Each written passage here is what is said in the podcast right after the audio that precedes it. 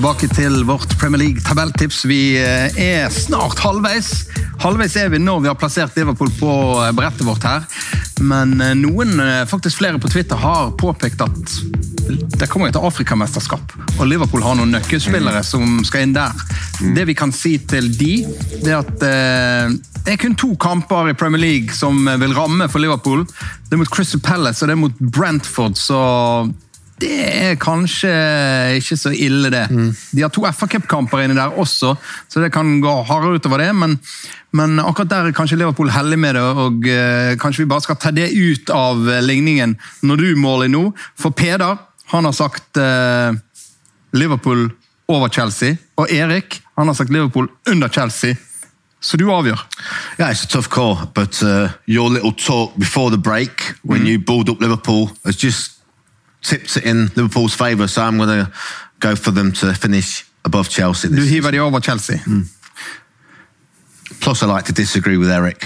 ja, det er mest det, tror jeg. Men uh, ok, det der kommer til å bli tight. Da har vi en foreløpig topp fire med Manchester City, Liverpool, Chelsea og Arsenal i det vi skal eh, Jeg ser Øyvind Alsaker har vært på Twitter og meldt om han kan få lov til å være med. Han har reist til eh, London og skal kommentere i helgen eh, Premier League-starten. Men jeg tenker jo at det hadde vært kjekt, Øyvind, om du ble med. Så baktroppene de forsøker å organisere litt og se om vi kan få deg eh, om bord etter hvert her. Men nå går vi videre, og når vi er på ulike tall, så er det Erik som trekker, ikke sant? Du starter Fordi at jeg er ulik? Nei, nei, du er veldig lik. Veldig lik. Som et lik, faktisk. og der går jeg på eh, eksepsjonelle Burnley. Oh, Burnley. Og det mener jeg ikke som noe ironisk, for Burnley er faktisk ganske eksepsjonelle. Med så lite budsjett så fikser de det sesong etter sesong. Før vi snakker Burnley, akkurat inn Romelu Lukaku bekreftet til Chelsea. Vi har sett den komme, men nå skjer det. Da er det ingen tvil. har du lyst til å endre på tipset, Trev? no, we expected him to be there anyway, and then I wish him all the best. Top player. Ja. Nice to have him back in the Premier League. Ja, Det blir spennende. Det blir utrolig spennende. Kan, kan det være en, slag, en, en sånn, ha en sånn steikepanneeffekt på Ole Gunnar Solskjær? Hvis han gjør det knallbra i Chelsea nå, og Chelsea bare dunker opp? Yeah, I think so. I mean, ja. when he goes to a different country, it doesn't matter so much. but Now he's back here. Altså, Ole Gunnar fikk jo den situasjonen litt i fanget, da, gjorde han ikke det? Og Han gjorde jo det rette. altså Han var ikke ja. motivert for å være i Man United. Så det kan ha vært rett, og dette kan være rett? Ja, det, det, trenger ikke, det ene slår ikke det andre i hele. Nei. Nei. Enig. Helt enig. Men uh, her er den belgiske uh, storskårer Romelu Lukaku som uh, kommer til å være heltent når han nå endelig får muligheten i Chelsea. For det er klubben han ble hentet til for ti år siden. Og så var det frem og tilbake. Utlån til West Bromwich, utlån til Everton. og ja, Vi vil ha deg, vi vil ikke ha deg. Du er bra, men du er ikke god nok. Nå er det Lukaku som er hentet for å ordne opp i det der siste offensive for Chelsea. Og er vel den dyreste spilleren sammenlagt i verdenshistorien, er han ikke det? da? Med alle de salgene han har hatt fram og tilbake. Der er jo så, tre feite han, salg der. Ja. Mm. Godt poeng. Gøy poeng. Men uh, vi må videre, og vi må videre til Burnley. og Når vi snakker om pengene som er i Chelsea, en del av de andre rikeste klubbene, så kan vi si at Burnley er ikke en av de. Burnley de har måttet kjempe med litt eh, andre midler, og eh, de midlene og det verktøyskrinet det er det Sean Dyche som har eh, stilt med. Og da har Burnley vært ganske seg sjøl lik i de sesongene de har vært under Sean Dyche. De rykket ned under hans ledelse. Han fikk sitte i jobben, han har tatt de opp igjen, han har stabilisert de. De har vært helt oppe på en syvendeplass i Premier League. Forrige sesong så ble det 17.-plass. 39 poeng i en sesong, i en annen sesong, i et annet univers, holdt jeg på å si, så kunne 39 poeng betydd nedrykk. Mm. De klarte seg med ganske god margin for Fulham på 18.-plass. Hadde kun 28 poeng forrige sesong, mm. så Burnley var aldri truet. De hadde to poeng etter syv matcher, da. Ja, De var kanskje poeng. truet da. Da var det de var kanskje truet da. Men ja. du så at de, de, gravde seg tilbake, sånn som Burnley gjør. og Vi har sett det flere ganger. og Når Sean Dyche har snakket om nedrykksstrid, så har han sagt jo, men det er det vi skal forvente av Burnley. Det er det vi, vi, kjemper mot, og vi kjemper godt mot det, så vi blir ikke stresset av det. Og De har vist det gang på gang, Burnley, at de blir ikke stresset av å ligge nedi der. Og de har noen kvaliteter som betyr at de overlever som regel med ganske bra margin. Hva er det som definerer Burnley for deg? Well, I think the point is that if you're a Burnley fan, you'll be happy with that league table. You finish 17th. It's not like West Ham or Newcastle, maybe, but just survival. is Burnley is enough for Burnley, mm. and it was was it eleven points, so it's quite comfortable. Or even though the points were quite low at the bottom, so um, saying that it's not a great sign for next season. Um, he said himself, Sean Dyche, is struggling to sign players. I mean, it's not the most attractive place to go to in the circumstances. They probably don't pay the biggest wages, not the biggest crowds, not the most beautiful place. Uh, Sean Dyche is a bit scary, so you're not going to sign for him neither. so um, he struggled to sign players, but yeah, I mean, the record of survival speaks for itself. And what I like about the club is there never seems to be a panic. When they get down there, he never seems to panic. He knows they'll produce something, but they are struggling for goals. I mean, they were so dependent on Chris Wood last season to score goals. Så skal det sies at Chris Wood leverte en rekordsesong. Yeah. det var hans beste. You like him, because I remember you met him at Leeds and you told me he was bigger than Eric. Jeg husker meg og Petter og besøkte Ove Røsland og han var i Leeds. Han hentet Chris Wood til, uh, til Leeds. Han var, en, han var, en, gigantisk mann. Jeg skjønner hvorfor han skårer mange mål og, og, hvorfor han vifter mange midtstoppere unna, for han er, han er et fysisk spesimen. Det er du også, Erik. Men uh, har, du troen på, har du troen på at Burnley kan gjøre det igjen? Og med å gjøre det igjen, så tenker jeg å holde seg med grei margin. Det de har gjort eh, de fem siste sesongene, er at de har hatt en, en, en litt sånn halvslakt sesong etterfulgt av en veldig bra sesong. Plasseringene er 16, 7, 15, 10, mm. 17 forrige sesong. Så du tenker... Men, men, så har du andre elementer. De er blitt kjøpt opp av en amerikansk gjeng som heter ALK Capital. Og jeg vet ikke, men jeg tipper at Sean Dyche er furious. Jeg tror han er rasende. Han var veldig eh, forrige, Det vil du jo helst ikke. Forrige eierskap nei, men forrige eierskap var jo lokalt. Det var lokale, Så solgte de Burnley til noen amerikanske eiere. Og, Hvorfor er han sur, da? Eh, fordi de kjøpte ingen i eh, januarvinduet. Foreløpig har det kommet ikke en kjeft, ass! De er, de er en midtstopper for Stoke eh, som skal gjerne være backup, og, og Wayne Hennessy gratis fra Palace. Mm. That's it! Og så har de en sånn app da, som skal bruke artificial intelligence for å identifisere ukjente, gode spillere fra hele verden. Du kan legge inn klipp av deg sjøl der du gjør visse øvelser som er satt på forhånd. Så skal da denne appen finne disse juvelene. Så det er invitert 24 stykk fra hele verden What? til å komme inn og spille en, en intern match. Så skal de finne og vet du hva, Jeg tror Sean Dyche sitter og tenker What the fuck, hva er denne greia her? Det er langt under hans altså, skole. Show me the money! Show me the money! Og gi meg de spillerne jeg faktisk vil ha! Ikke disse greiene som, som og dette er en gjeng Men han skal sies, han har ikke vært vant til å få alt han peker på Nei, i, han har vært forbanna lenge. Men nå tenk, tror jeg han tenker at vet du hva, nå trodde han jo at The Good Times kanskje ville komme mm. med nye eiere og litt mer penger. Foreløpig har de konsentrert seg om disse appene og uh, inngå partnerskap med noen klubber oppe i Nord-Irland og, og, og, male tøffmål da. De har malt tørfmål så du skal se litt finere ut. Og Ellers er det ganske lite. Og Sean Dyche er redd, han er dritlei av å trylle. Vi må ta med Peder her. Er du redd for at det skal eksplodere eller for den saks skyld implodere i Burnley denne sesongen? Ja, jeg var egentlig litt redd for det forrige sesong. Jeg syns det var eh, fryktelig dårlig stemning mellom Sean Dash og daværende styrmann. Og det var eh, eh, Det ble jo sagt av enkelte pundits at kanskje eh, det handler ikke om hvor langt eh, altså Sean Dyche kan ta Burnley lenger, men hvor langt Burnley kan ta Sean Dyche. At det kanskje er klubben som setter begrensningene mer enn en Sean Dyche nå.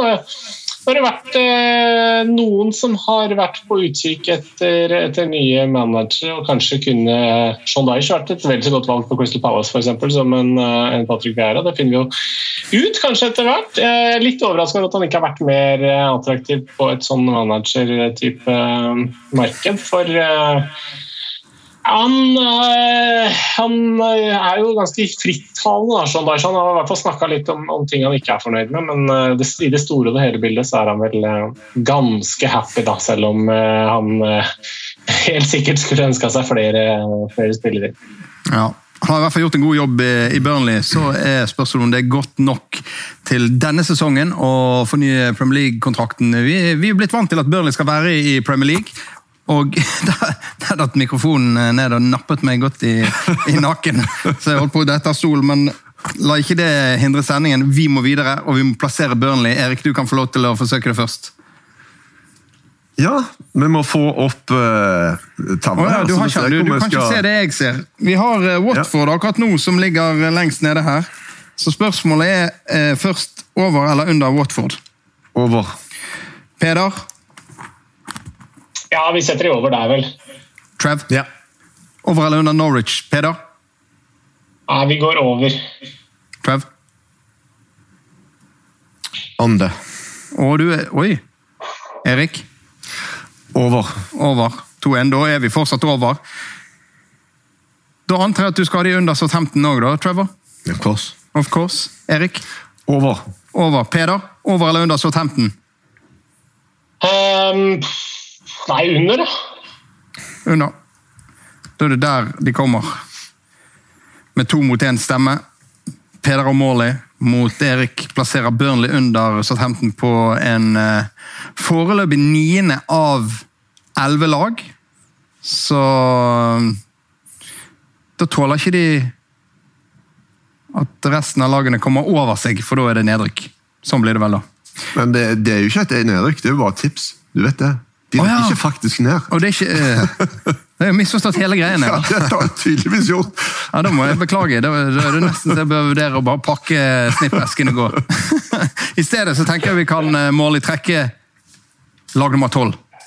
Tolv av 20 kommer her. Og Sitt så dro du opp eh, Liverpool. Hva kommer i Morleys godtepose denne gangen? Newcastle. Interessant, interessant. Uh, ja, Vi snakker om eh, Burnley og Sean Dyche og konflikter og eiere og det hele, men den sagaen om Newcastle den har pågått nå så mange sesonger at uh, alle vet uh, helt hvordan den visen går. Um, har det skjedd noe nytt? Er det noe ved situasjonen oppe i Newcastle som tilsier at det blir annerledes denne sesongen. Det blir mer fryd og gammen. Det, det, blir kanskje enda bedre på banen. De skal jo ha, synes jeg, Newcastle for 45 poeng og en tolvteplass forrige sesongen. På uh, vårt tabelltips så hadde vi de på en 16.-plass. Eh, jeg tror det var mange som så for seg at Newcastle skulle gjøre det svakere enn det de gjorde. Og uh, Så syns jeg de kom og, og, og, markerte seg etter hvert. Og så spilte en del bra kamper. Og Willoch som eh, kom inn der på utlånet, og som vel skal eh, forhåpentligvis formaliseres til en permanent overgang. Wilson som skåra mål. Altså, der, er, der, var en del ting Saint Maximin som Saint Maximin. Ja. En del gøye ting fremover også med, med Newcastle. så det, ja, Hvor, hopper hopper haren?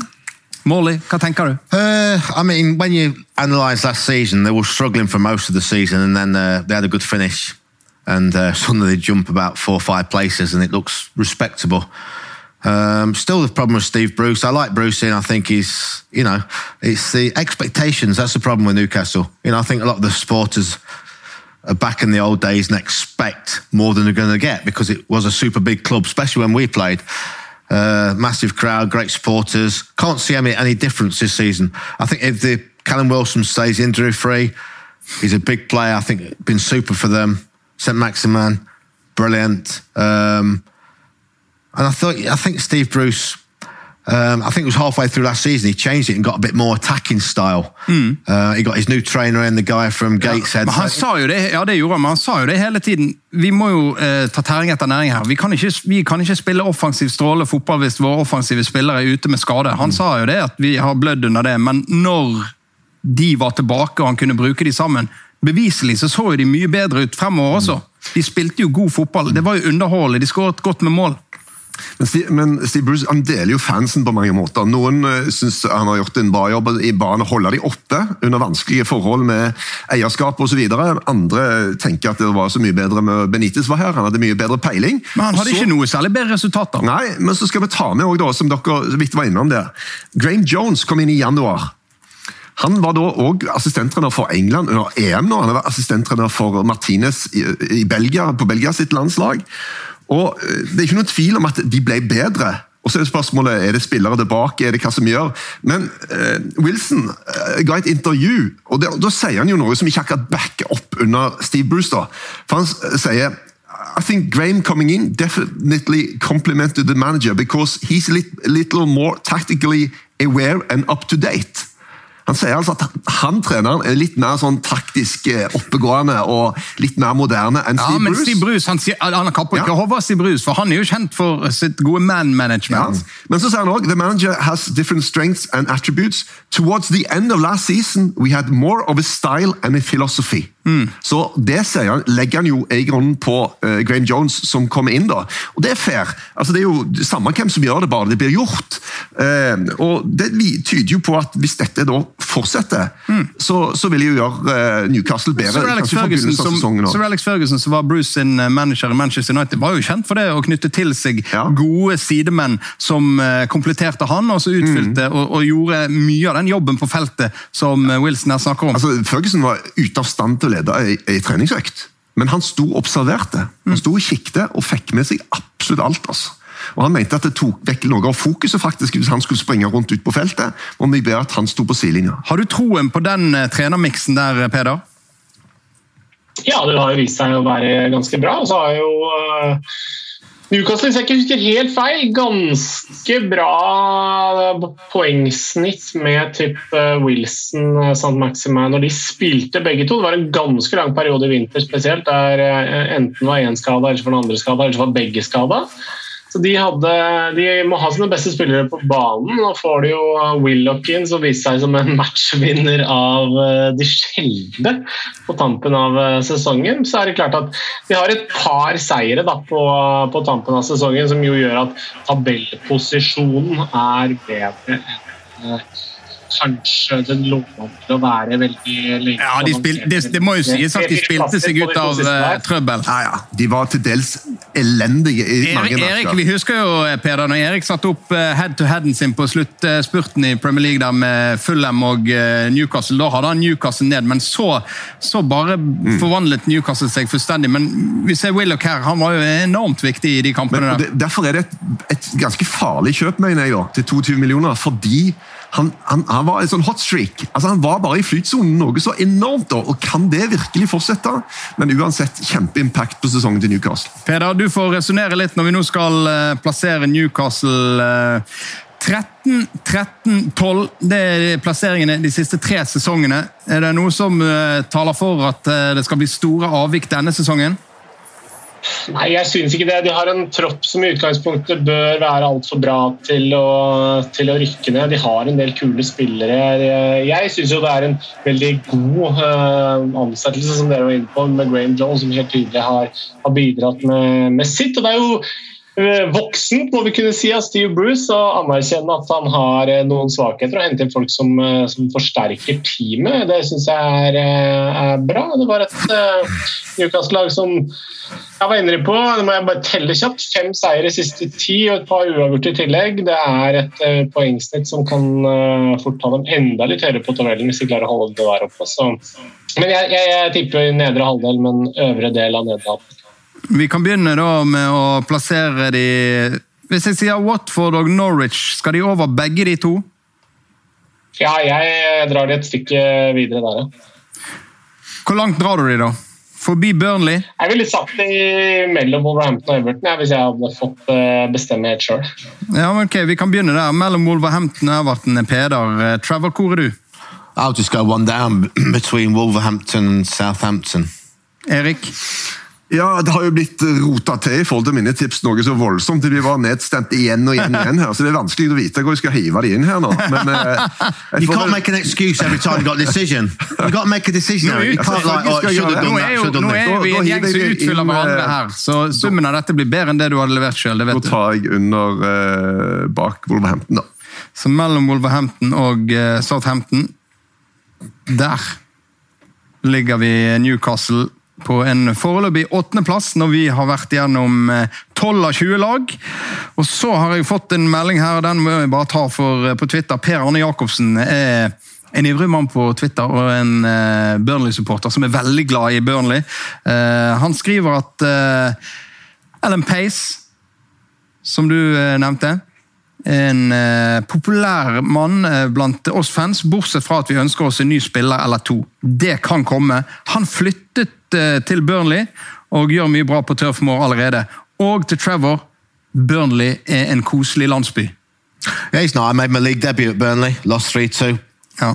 A lovely place. Ok, Så ikke mer I take it back. Ikke... I meant the weather's not very nice. Ok, ok. Greit. Da trekker vi et nytt lag. Lag nummer 13. Erik?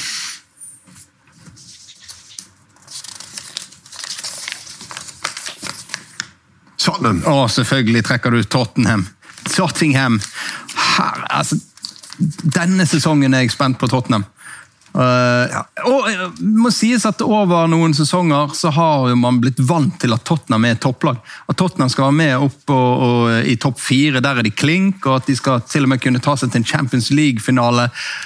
At de kan være med og kjempe om Premier League-tittel. De har liksom vært i nærheten der den sesongen Leicester vant. De har under Pochettino Alt var stabilt, alt ble bedre. Litt og litt og litt, og litt, og til slutt så skulle eh, verdensherredømme.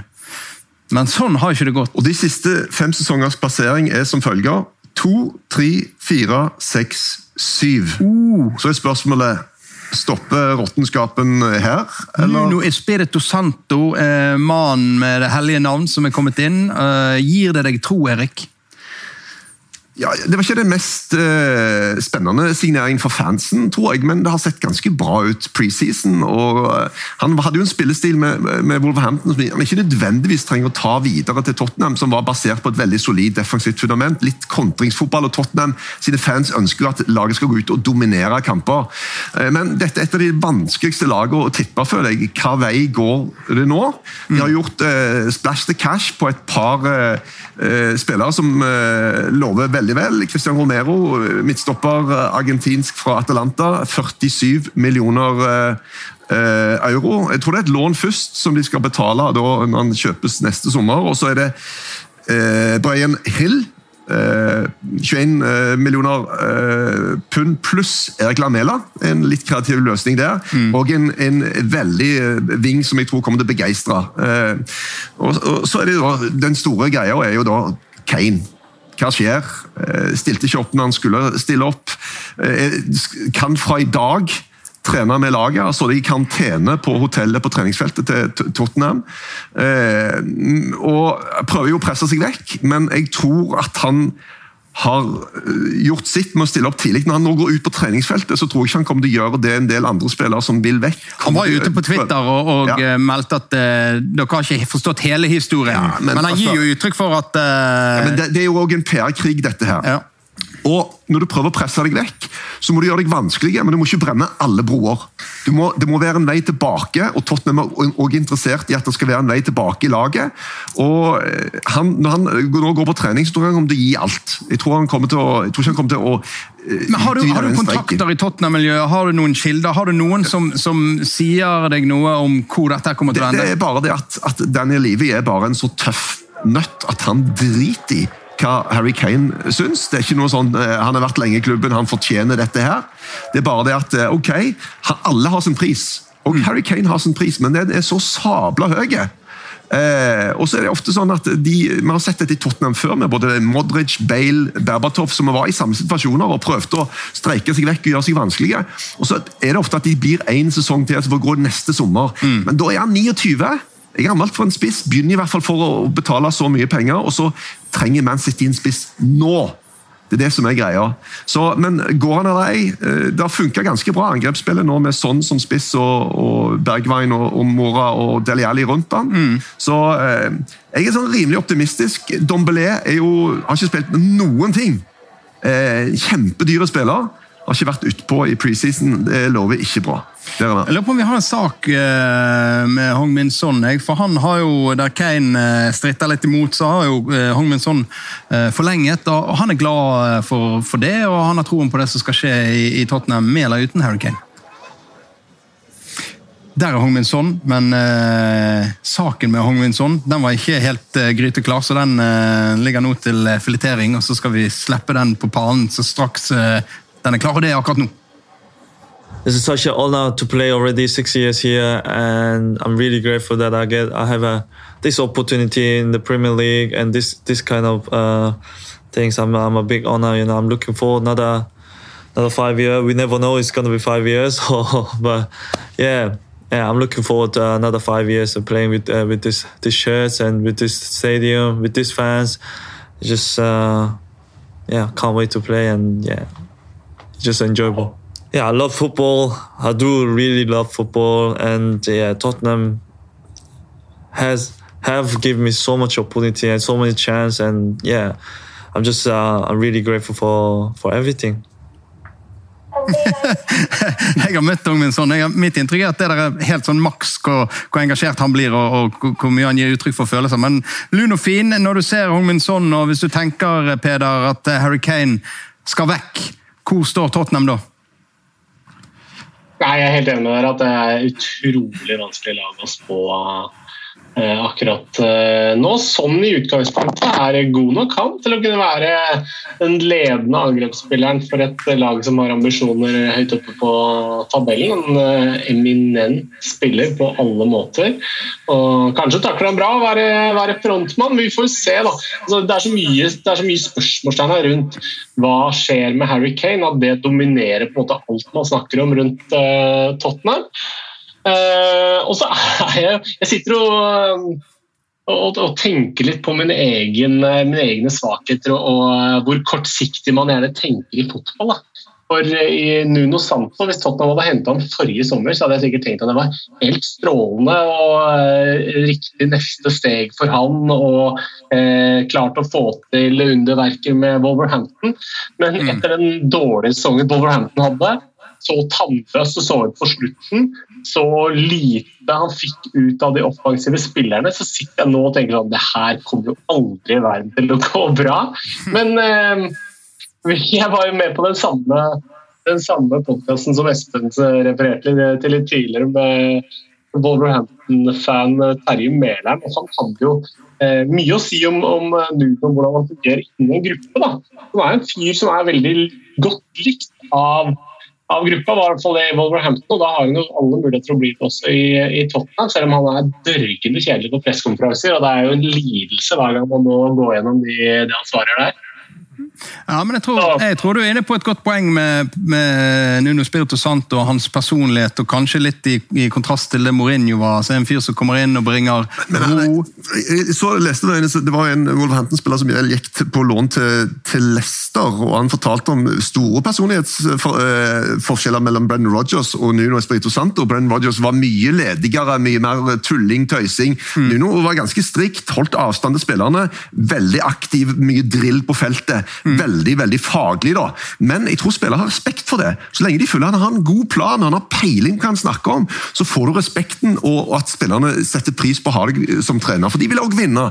De vil ha det de, ja, de Du risikerer ikke å bli kappet hodet av uh, i media.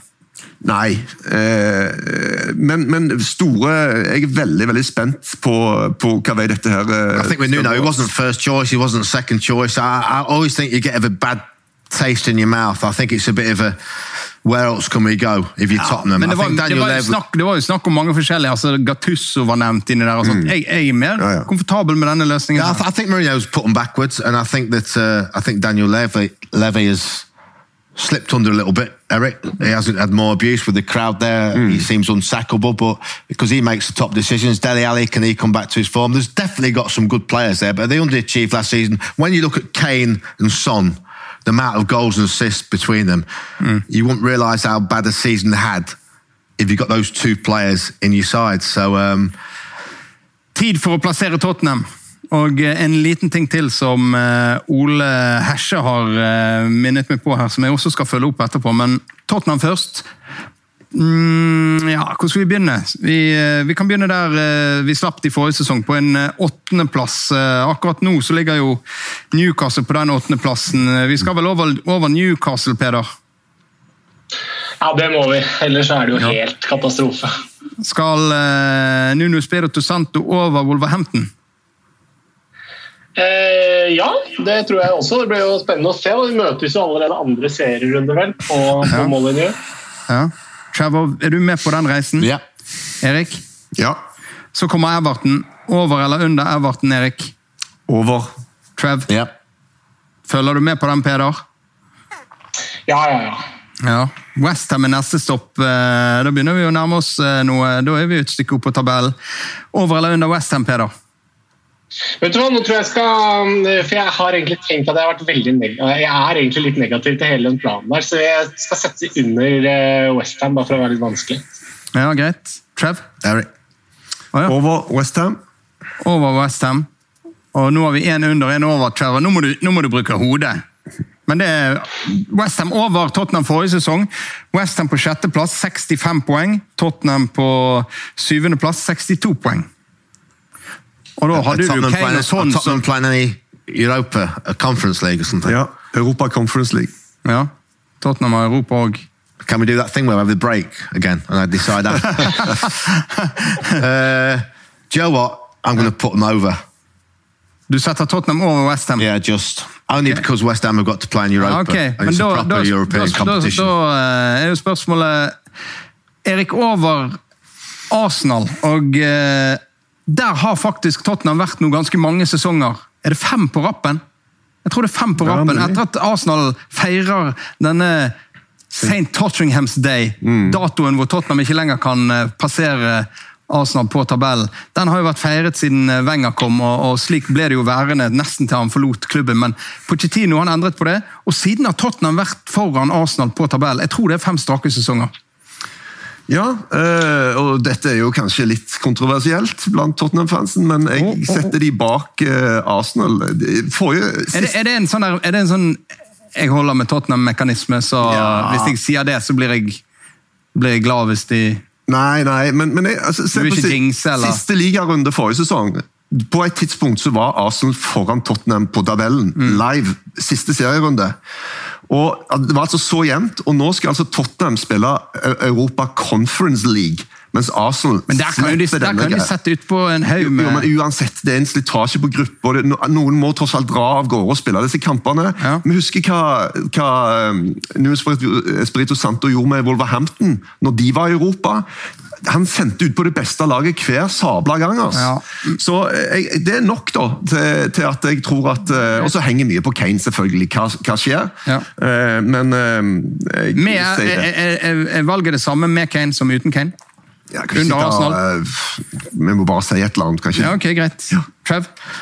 Um, I think with Kane above Arsenal, without him below. So if we could da kan vi gjøre det gøy. Tape it twice. If this goes out tomorrow, if Kane gets sold tomorrow, we could change. Um, I'm gonna have them over Arsenal. Du hiver over, så da får Peder avgjøre. Da har vi én over, én under, og Peder sier Nei, Jeg må jo si under fortsatt. da, det ville jo vært... Du hadde jo det under Westham, så da er jo det Men jeg var jo ikke med når Westham ble plassert, så sånn sett så Fair enough, fair enough, men likevel ikke så fair. Så du avgjør. Tottenham under uh, Arsenal på uh, vårt tabelltips. Og vi uh, Hvis jeg har skjønt det rett, så skal vi ha en liten pause nå. Og vi har jo fortsatt mange godbiter igjen.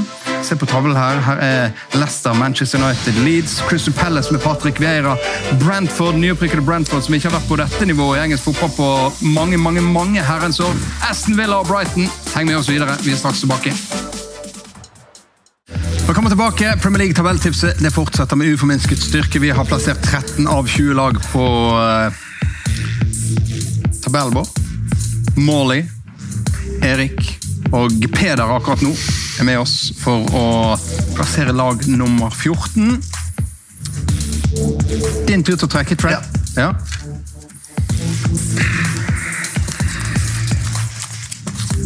Dette kan jo gå alle veier. Og du har Crystal Palace. Det er en gøy trekning, syns jeg. That's the fifth London team. Ja, jeg blir så utrolig Crystal Palace-interessert. Jan Henrik. Ja, men jeg er kjempeglad Jeg har alltid vært glad i Crystal Palace. Um, helt tilbake tenker jeg, til når jeg var ung og lovende på, tidlig på 90-tallet. Og var på prøvespill?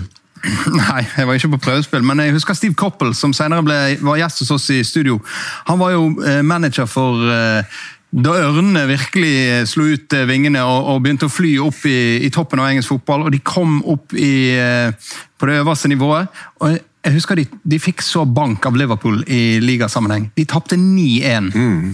Og så møtte de Liverpool i semifinale i FA-cupen samme år, med Mark, Wright og, uh, Mark Bright og Ian Wright, som spilte på topp. Et strålende lag. Og så slo de Liverpool. De tapte mm. riktignok Riktignok den finalen mot Manchester United, men uh, de sjarmerte meg da. og Palace har sjarmert meg siden. Den norske supporterklubben til Crystal Palace de har eh, sånn ca. 100 medlemmer. De sjarmerer meg. De sender meg supporterbladet sitt eh, hver gang de gjør det. Eh, fire ganger i året så får jeg det tilsendt her på jobb og koser meg med ørneblikket. Så jeg er blitt glad i denne klubben. Nå er Roy Hodgson også en fyr som jeg har vært glad i, eh, ferdig. Og inn er kommet Det kan kanskje være inspirerende for eh, Wilfried Saha. Patrick Vieira det synes jeg er eksotisk på så mange måter. Uh, en Premier League-legende skal uh, overta denne klubben. Jeg lurer på om vi har en, en, en, sak, kanskje vi skal starte der. Vi har en fin sak om Patrick Vieira. I think a manager will always want the teams to reflect who he is as a, as a person. If I want to succeed, I will have to be clear about what I want and the way I want the players to perform on the field. Of course, with the experience and the type of player that I was, that will help me to, uh, to be a better manager. When a new manager is coming, he's coming with new ideas, a new way of work, and it will be important for me to to seduce the players, to convince the players about what I try to do and what I want to do. I spent nine years with Arsene, and that was the period where I play my best football. So as a manager now, I want to have this kind of uh, relationship with the players to give them that confidence that allowed them to, to express themselves. It was a really uh, easy decision. You know, Palace is um, one of the great club in the Premier League in the country, and um, to have the opportunity to come back in England and manage one of the Premier League team, it's. Uh, a no-brainer for me. I think it's um, a manager's dream. I think when you uh, decide to go into coaching, uh, you will uh, want to uh, manage one day in the Premier League because of the quality of the Premier League. I think it is one of the best league in the world, and uh, every single manager will dream to have an opportunity to uh, to manage one team, and this is the case for me. And I'm really pleased that I can do it with Palace Football Club. I think uh, spending time uh, at Manchester City with people around me like Brian Marwood, uh, that gave me the opportunity to spend time in the academy, and this was something that I felt comfortable with. And um, with the experience that I had as a player, um, I wanted to um, to go into coaching and to share that experience with the players. So after the couple of years, um, Manchester City, uh, New York, Nice and today at Palace, I think I have the um, the experience as a, as a manager and as a player, ex-player, to manage um, a big football club like uh, like Palace.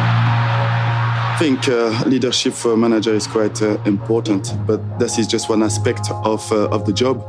I think the the ones that will be really important is about uh, the tactical decision, how I will uh, make clear to the players what I want and what I expect from them. That will be really important as well.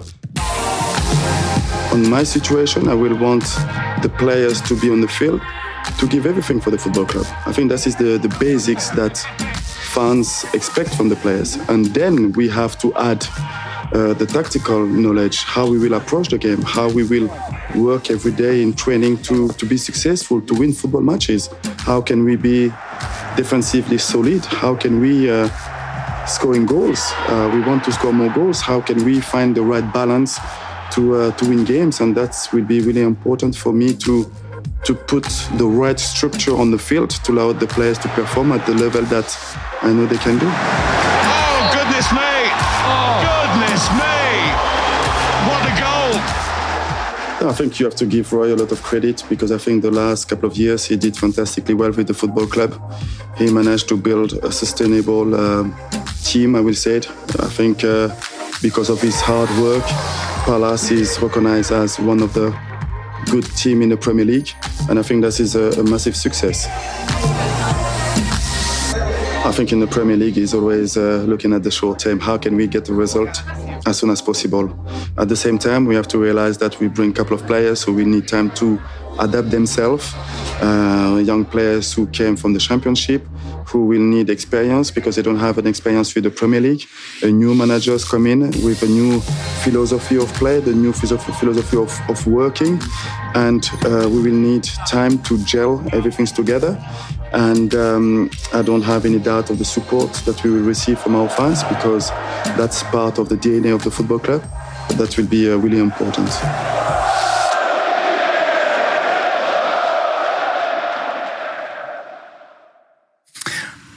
Er jo innom det meste her, Patrick Vera oppsummerer det godt. og eh, Han er en Premier League-legende. Alle vet mm. hvilken status og standing han hadde i Arsenal og i Premier League de årene han spilte der.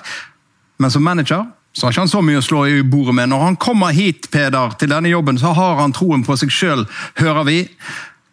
Hva har du?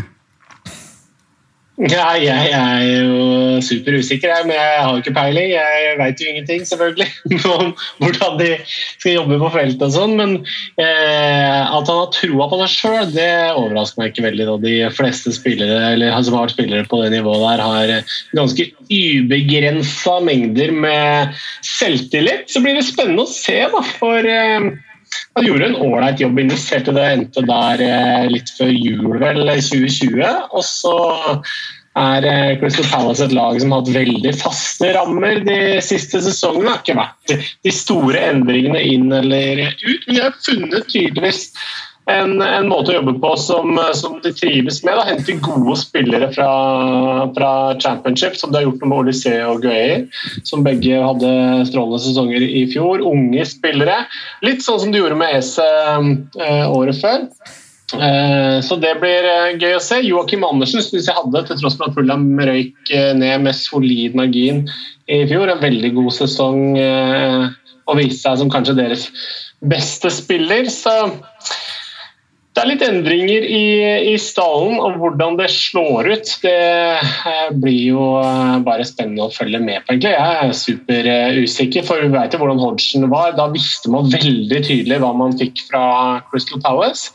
Et lag som ikke rykker ned, som gjør jobben sin og, og vinner en god del kamper, men som ikke samtidig overbeviser og, og tar for mange storskalper heller. Så vi har et håp nå da, om at de kanskje kan uh, levere på litt høyere nivå. selvfølgelig.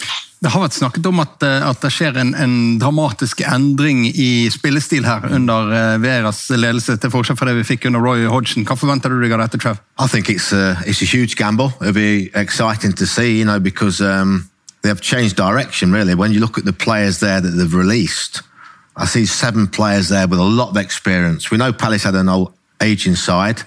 But you know, look at the experience there when you go through those names that have been released. You've got to replace that experience because these are players that have played Premier League for Crystal Palace and know how to survive and done it year after year, year. As Roy did, we, we joked about how stable he was. His points every year was almost the same. So it's a huge gamble. I mean, okay, it might work out because I'm not sure Vieira is going to be a great manager or not. And uh, I like Gallagher, I think Conor Gallagher was brilliant at West Brom. Anderson's a good player, so yeah. Big, big changes. Ja, fascinerende. Det er, det, ja, det er fascinerende. Her er mye som skjer her. og det, mm. det, er selvfølgelig vanskelig å si annet enn at det blir spennende å følge med. Så jeg tenker Det er vanskelig også å plassere dem når vi skal uh, dytte dem inn i Sabla vanskelig. Bare minne om Frank de Boer fikk fire kamper. han. Ja. Han skulle legge om spillestilen. Fire kamper fikk han sparken. Men det Trevor sa, altså De siste sesongene så har Crystal Palace vært så stabile. De har plukket nesten nøyaktig like mange 14, poeng. 11, 12, 14, 14 er tabellplasseringene. Ja, jeg tror, det, jeg tror det er fra, snakk om fra 41 ja. til 45 eller 46 mm. poeng innenfor der hver eneste sesong. Og Nå kan jeg gå hva vei som helst. Ja. Det kan gå opp og det kan gå ned. Jeg frykter mest det siste. 14.-plass forrige sesong, 44 poeng. Over eller under uh, Watford, Erik? Over. Over eller under Norwich, Erik? Under. Trevor? Over eller under Norwich? Over Norwich. Peder, over eller under Norwich? Ja, jeg går med Trevor på denne. Altså. Over Norwich. Ja. Over eller under Burnley, Trevor? Over. Peder? Ja, ja, jeg og Trev vi er på linje. Vi, vi får ja. London-laga høyere opp. Ja, for Erik er ikke vits i å ha med her lenger, for han har allerede parkert i under Norwich. så Da prøver jeg med på Southampton, uh, Trev. Uh, over eller under The Saints? It's a close one. I'm gonna to go over. Ja. Peder? Ja, jeg blir med Trev og nå er, nå er, nå er dere høye, nå er dere høye og mørke. ja, men jeg, jeg, jeg, jeg følger dere, faktisk. Jeg skjønte ikke hva Erik holdt på med der i starten, men jeg følger dere. Så kommer vi til Newcastle. Da, da blir det tøffere, Trev. Bruce mot Close one. Close well, one. I'm just going to say that's where Palace's run is going to stop for me, just behind Newcastle. Hva, hva tenker du da, Peder? Nei, altså, nå, nå ender det jo der uansett. Da kommer jeg også ja. til å si over, og håper på samme eh, Håper at den ja. positiviteten smitter over på, på Ørnen. At jeg også ja. blir mottaker av det på en gang. Ja, ja, ja, men be om ørn, så, så, skal den flyge til deg. EC er skada. Altså det er ser skadet, det er riktig, men uh, det er, det er ok nykommere som kommer inn her òg, så det blir spennende. Jeg, uh, jeg gleder meg til å følge Ørns ferd videre. Vi skal eh, ta en uh, liten pause. Vi glemte å gjøre én uh, ting når vi hadde Liverpool her. Det var å si over eller under Manchester City. Kjapt. Over eller under Manchester City? Under. Under. Ok, greit. Da er det gjort. Men uh, da tar vi oss en liten pause, og så vender vi tilbake. Vi har nå fem lag igjen på tavlen. Velkommen tilbake. Vi har plassert 14 av 20 lag på Premier League-tabelltips-tabellen vår. Og uh, det er dags for å trekke et nytt lag. Erik, er det du? Er ikke det? Ja. Jeg tror du skal få trekke først. Ok, Nå tar vi denne. Der står det uh, Bright. Brighton. Grand Potters Brighton. Vi legger de der på en uh, Jeg skal legge de der, jeg, på 16.-plass, for det, at, uh, det var der de endte forrige sesong, med 41 poeng. Brighton nummer 16. Og før vi går videre med det, la oss òg ønske hjertelig velkommen til Kasper Wikestad, vår kommentator. Hallo, Kasper. Hei, så hyggelig å få komme. Veldig kjekt å ha deg med, for du er jo også med i Dette er et parallellopptak. Både TV-sendingen og podkasten, som jo er din. Så velkommen til din egen podkast. Det er veldig hyggelig. Det er, det er, sånn jeg har blitt ønsket velkommen til min egen podkast hele det siste året av Espen Ven, så det har jeg blitt veldig vant til.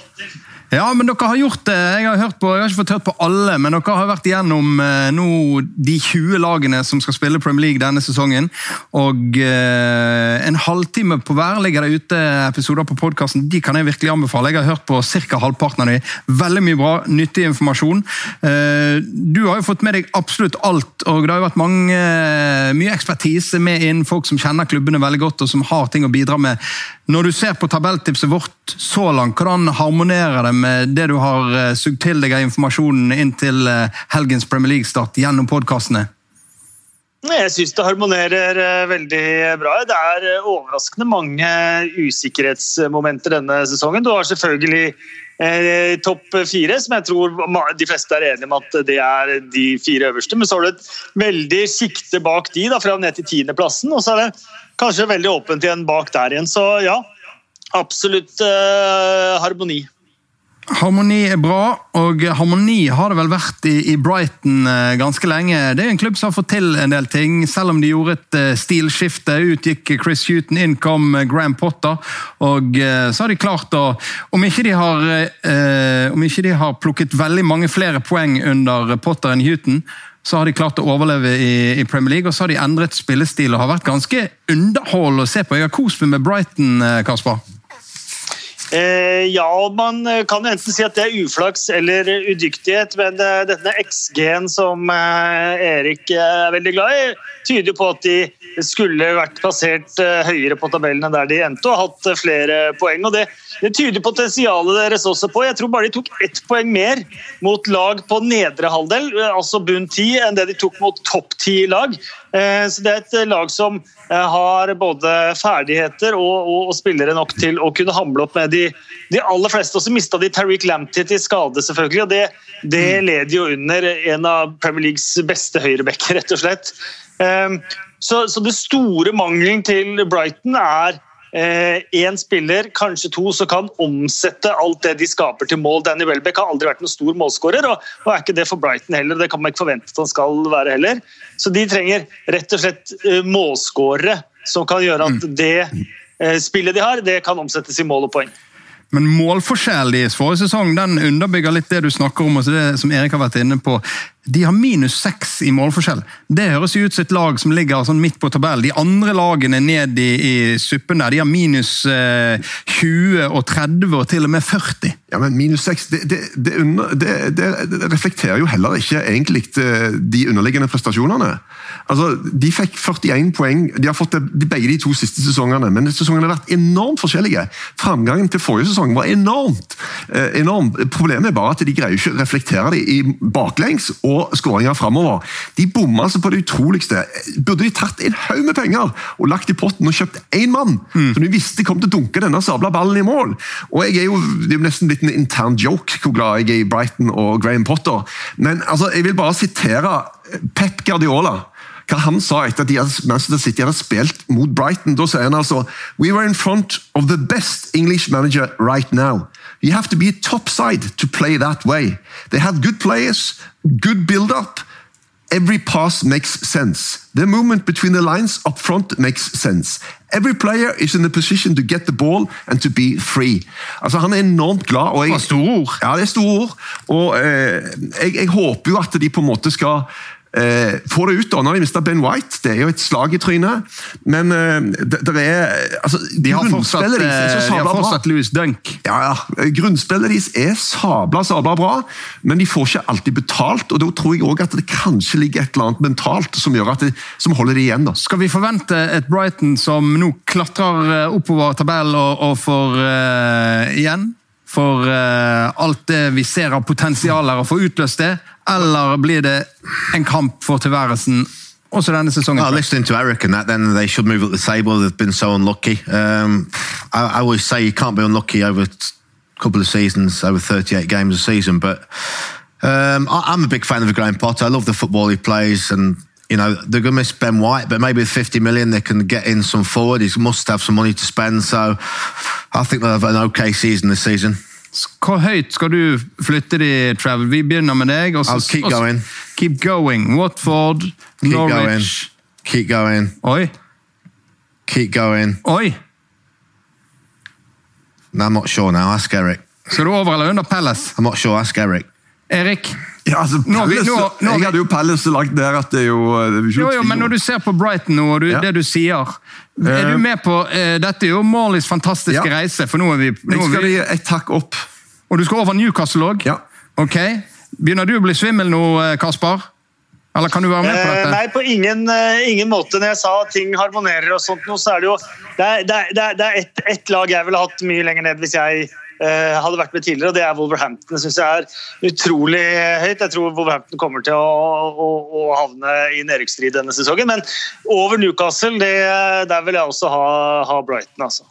Ok, notert. Da slipper vi de inn på en uh, niende. Og så har vi fem lag igjen på tavlen vår da. Og da er det Trevor sin tur til å plukke. Hva kommer ut av hatten? Det er, det er mye forskjellig her. Aston Villa. Aston Villa, the one man team uten the one man. Ja. Uten Jack Grealish. Og, eh, ja, for det er, det, det er, jo det, første store spørsmålet. Vi kan jo begynne der, Kasper.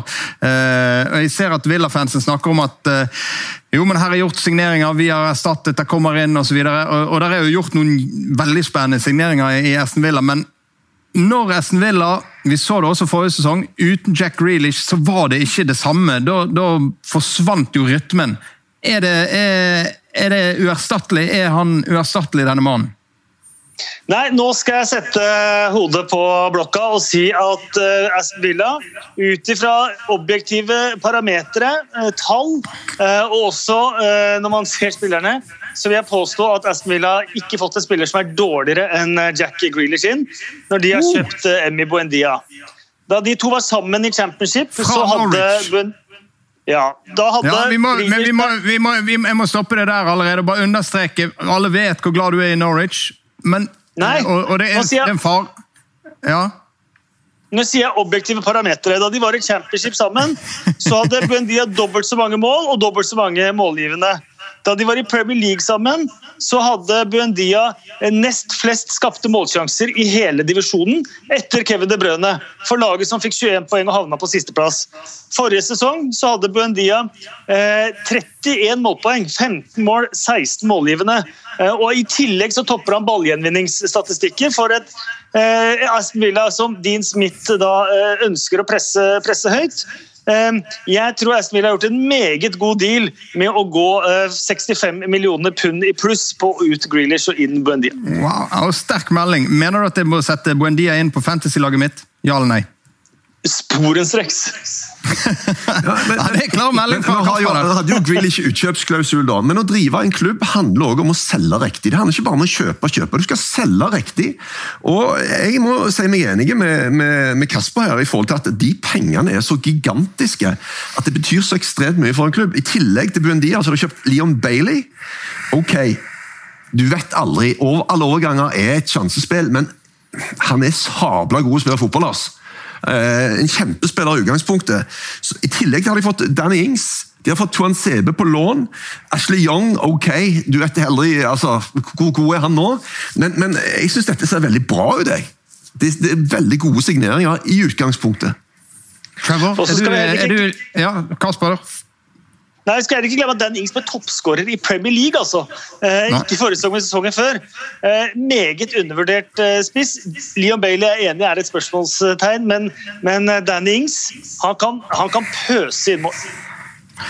Listen, there's no way that Villa want to lose Jack Grealish. For me, it's my most exciting player in the Premier League. But I, I get your points that what they've done the replacement is excellent. You know, no, no, no, no club wants to lose the best player.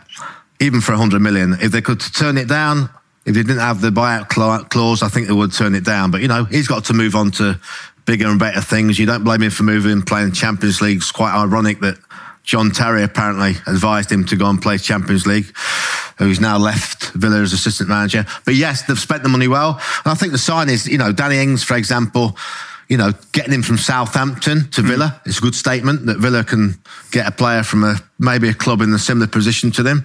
So they've spent the money well, to be fair. So uh, I get that, but I still think it's a big loss. They had a good season last season. I think the you mentioned I think West Ham were up 26 points. Villa got 20 points more than the first season. So akkurat nå inn tekstmelding fra landslagssjefen Ståle. Johan Lange Min høyre hånd i FCK, sportsdirektør i Villa. Der snakker vi gjerne. Ja, ja. ja eh, stemmer det. Han øh, Eh, truffet han i, i, København. og eh, altså Dette er god business, sånn som jeg ser det. Selv om de som sagt, som nevnt, de ville jo ikke miste Grealish. Men de har jo ikke noen sjanse i og med at han hadde den utkjøpsklausulen. Men det er mye penger, og dette er et kjøpers marked. Det er altså så mange klubber som har problemer finansielt. Så har du penger akkurat nå, mm. så kan du gjøre dritbra kjøp. altså, Og det virker som Ville har gjort. Men vi ser jo det at noen klubber har vært utrolig gode til å forvalte sitt pund og gjøre de riktige investeringene, hente de riktige spillertypene. Leicester har vært en foregangsklubb der. Selge ut store profiler, masse penger inn i kassen, og så hente, foredle og skape, og samtidig klare å få resultater. Så Spennende å se om Esten Villa kan gjøre dette her videre. Morten Østrått på Twitter han var i meg forrige sesong også, for da var Morten uenig med tabelltipset vårt. Han mente at vi måtte sikte høyere. at eh, hadde, og han fikk rett. Vi tippet Villa på en 18.-plass. Han skrev den gangen minst eh, topp 12. Og eh, da nevnte han eh, Watkins. Følg med Ollie Watkins. Mm. Og eh, han har vært ute igjen i dag, og eh, jeg inngikk et veddemål med han, så jeg skylder han faktisk 20 kroner. så de, de skal jeg vippse til. Men han sier Eh, som ventet skivebom på tipset deres fra i fjor. Eh, spent på tipset i år. Blir det noe vrøvl om svekket Villa post Grealish? Sannheten er at Villa er styrket. Dere er inne om tingene han snakker om òg. Buendia, Bailey, Ings. Og så har de da Ollie Watkins eh, fremover. Blir topp åtte garantert. Kvitt eller dobbelt på 20-eren. Jeg har sagt jeg tror, jeg tror de blir tiende. Men vi kan jo starte med, starte med altså, deg, Erik. Det at han er uenig med vårt tips Til og med jeg er uenig med vårt tips, ja, og det er helt greit. Okay. Så, Men skal du, eh, hvor høyt opp skal vi plassere Aston Villa her, da? Jeg tenker Vi kan begynne med deg, da, Erik, siden du er så uenig med tipsene og egentlig har lyst til at dette skulle være ditt program med bare ditt tips. Si, si, si, hvor du vil stoppe. Si hvor du vil stoppe. Eh, skal du gå oppover, Nei, eller skal jeg, hive ja, jeg kan gå oppover og sånt. Så Eh, må jeg ned igjen, sikkert, og så må jeg oppover Jeg hiver de inn uh, eh, Der. Syvendeplass. Bak Westham, over Everton. Kan eh, du leve med det, Trevor? I'll go with that, yeah. Hva med deg, Kasper? Nei. Ja, Få høre, da. Få høre, da. Eh, sånn som jeg har satt opp eh, mitt tabelltips, så er de foran både Arsenal og Tottenham. Wow! wow! Så får dere velge om dere vil være med på, være med på det. Vær med på galskapen. Det, det, ene, det ene Aston Villa mangler nå, det er å være god på dødballer. og Der var de veldig svake forrige sesong. Eh, og Det ser man at eh, det er noe de har adressert. Og de kommer til å kjøpe en som er god til å slå dødballer. James Ward Prowse har vært på førsteplass. Jeg tipper det kommer inn en som kommer til å eh, gjøre noe med den businessen også. Eh, for meg så er Aston Villa sterkere enn både Arsenal og Tottenham. Yeah, but they won't get any free kicks now that Jack Grealish has gone, so they don't need a dead Ja, ball. de kommer nok til å få et og annet. Ja, men ok, Det er en kruttsterk melding fra Kasper her. Vi er Det nødt er til en å følge den på. melding fra Kasper. useriøs melding fra Kasper har ikke riktig på et tips de siste 20 åra. Kasper er en dritbra fyr på alle måter, men dette har han ikke snøring på. Ja, ok, Bra. Jeg liker det. Gi han, gi han, eh, gi han så det monner. Jeg har truffet eh, på så mye. Men jeg, jeg, jeg, det eneste jeg lurer på, for jeg, jeg merket at Erik han stoppet jo der mellom Westham og Everton. Spørsmålet Trevor, er om du har lyst til å være med på reisen videre sammen med Kasper oppover på tabellen for Esten Villa. Kanskje forbi ditt elskede Westham, kanskje forbi Torstvedts Tottenham? Eller skal de stoppe det? I think we'll stop them. I'll, I'll stick with what I'm. Ok. Even though Casper's enthusiasm. Ja. Lar Sett over Kasper henge i luftballongen. Yeah, no, I think they'll be close to West Ham. I, I mean, if, if this player's as good as what Casper says, I'm looking forward to seeing seeing him in action next season. But uh, I'll, stay with that seven. Notert. Så får vi se om ikke Johan Lange har gjort jobben så godt som Ståle Solbakken insinuerer her. Det ser jeg ikke bort ifra. Og da kan fort Kasper få rett i eh, sitt friske tips. Jeg likte det, Kasper. Nå satte du eh, guttene i studio på Du utfordret dem litt, og så, så fikk du ta den eh, Du fikk ta den smekken som kom, men det kan hende at det er du som ler både sist og best når vi skal eh, videre her. Hvem er det sin tur? Erik? Fire lag igjen. Brentford, Leeds, Leicester, Manchester United. Nå tror jeg sikkert alle at vi har holdt tilbake noe eh, Men det, vi trakk jo Manchester City først, så ingenting er rigget her. Der kom Leeds. Der kom Leeds og eh, Bielsa. Kasper, siden du har, siden du har ledet eh, PL-podkasten og laget episoder på alle lagene, kan ikke du gi oss de viktigste poengene, sånn som dere har snakket om det når det gjelder eh, Leeds? Dere hadde jo storfint besøk der av en, en godt skolert supporter. Ja, Det viktigste er vel at Marcelo Bielsa skrev ny kontrakt i dag. eh, Kvelden før de, eh, før de begynner. Men de har beholdt alle spillerne stort eh, sett. Ikke kjøpt i stor grad. De har gjort Jack Harrisons overgang permanent. Men dette er jo ikke et lag som, som først og fremst handler om store stjerner i den og enkeltspill og sånn. Dette er jo et lagmaskineri. Og de, de viste også litt utover sesongen at de, de, de fant litt mer ut av hvordan man skal forsvare seg i Premier League, og så gikk det litt utover det offensive. Men vi kommer til å få noen helt vanvittige kamper med Leeds også denne sesongen. Spesielt med fans tilbake på, på Ellen Road. Det er bare å glede seg til. og Det, det var noe av det tristeste med tomme tribuner forrige sesong. Det var at Leeds-fansen ikke fikk oppleve Leeds tilbake. Endelig så gjør de det, og det kommer til å, kommer til å merkes i hele Europa. Nå, eh, nå nikker Morley så anerkjenner her at han bare skal få ordet med en gang.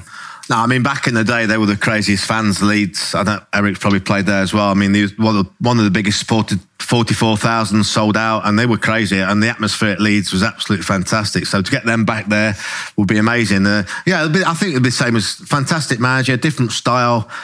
Insats is crazy, so uh, you never quite know with Leeds. They could, like the first game, they could win, beat United 4 0, or they could lose 4 0. You don't know. Det ble jo hevda at de eh, kom til å springe seg i senk, og at de ble redda i opprykkssesongen av pandemien kom, så de fikk en pause. For at stilen er så krevende, men sannheten er jo at de avslutta veldig veldig sterkt forrige sesong. Så ingenting av det eh, stemte jo. Eh, Og vi, vi, er jo veldig glad i Leeds, vi tror jo at denne greia skal liksom, vi ønsker jo at Leeds skal lykkes. Men det er ingen selvfølge. Second season syndrome osv. For det opprykket til Leeds ja. er et av de sterkeste vi har sett i, i moderne tid. Å gå fra championship til eh, Premier League og ende med 59 poeng. 59 poeng. Ja. Wolverhampton hadde vel eh, Jeg tror de var oppe på 57 da de vendte tilbake. Jeg tror du må, tror du må over 20 eh, år tilbake i tid for å finne noe som er i nærheten.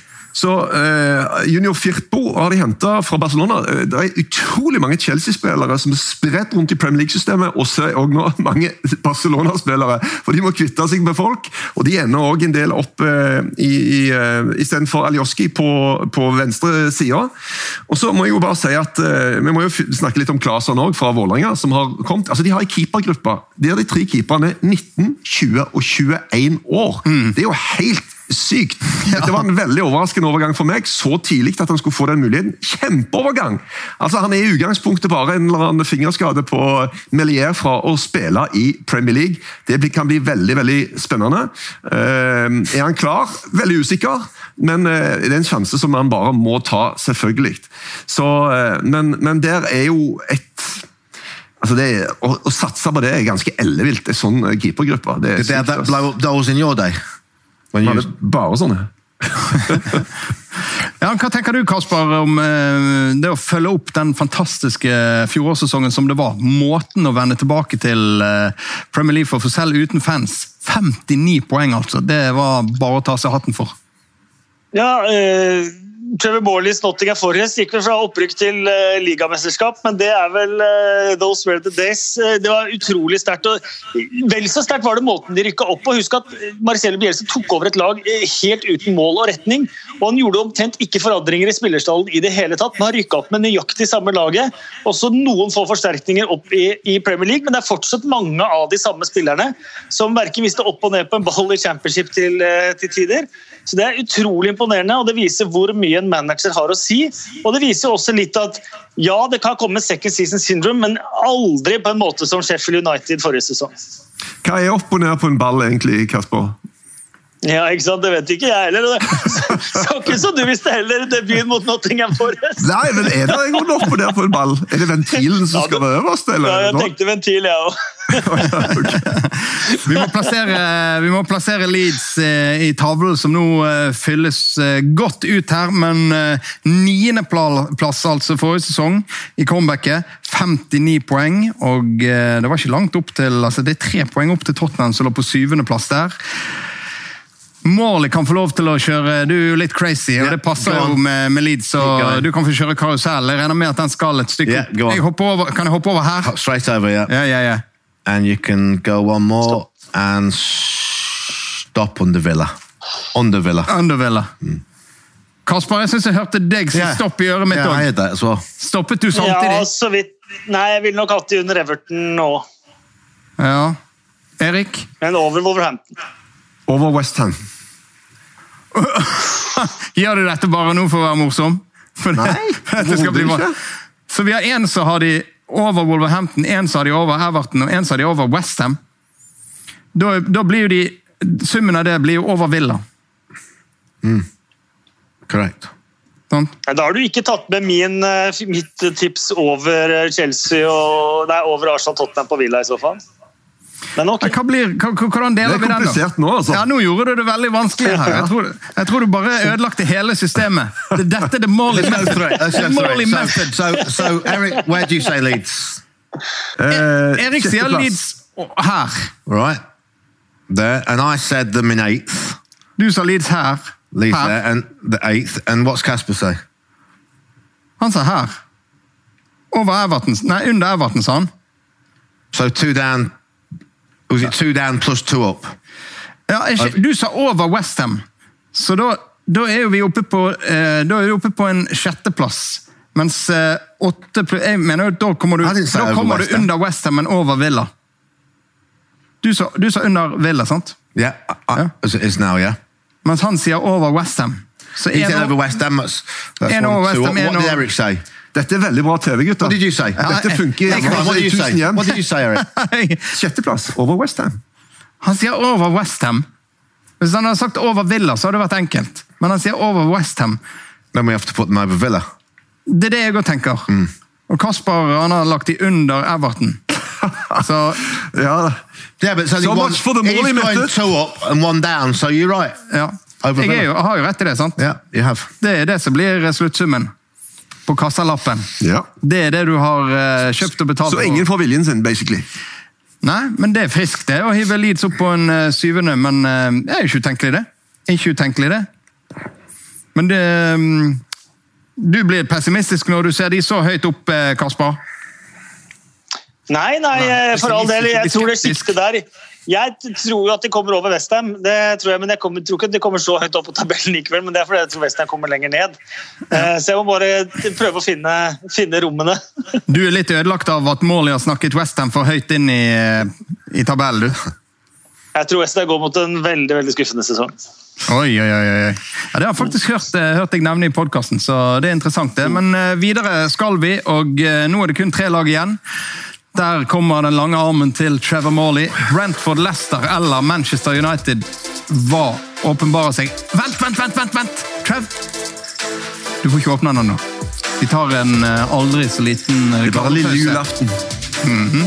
Så vender vi tilbake med de siste tre.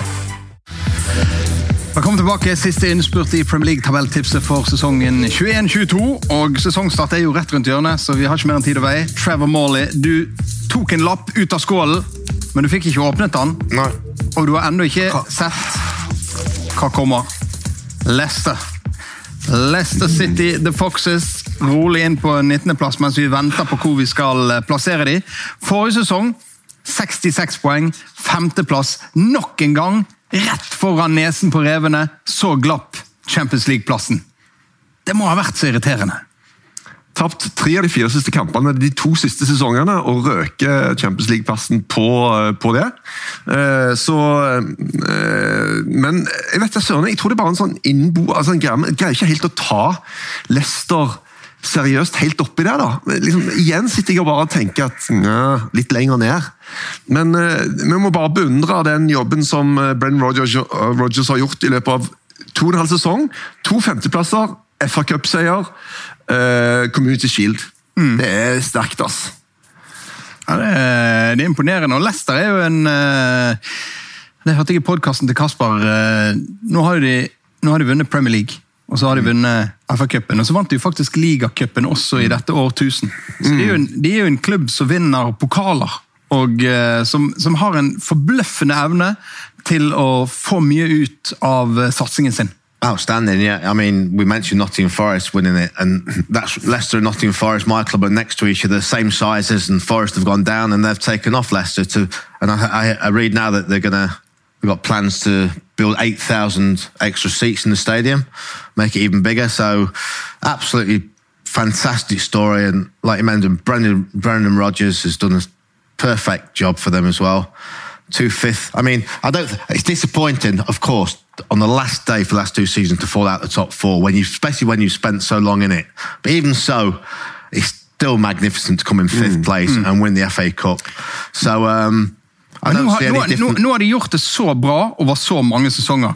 De er stabilt der oppe. De er med og, og, og kjemper mot uh, De kjemper om en plass i Champions League to sesonger på rad.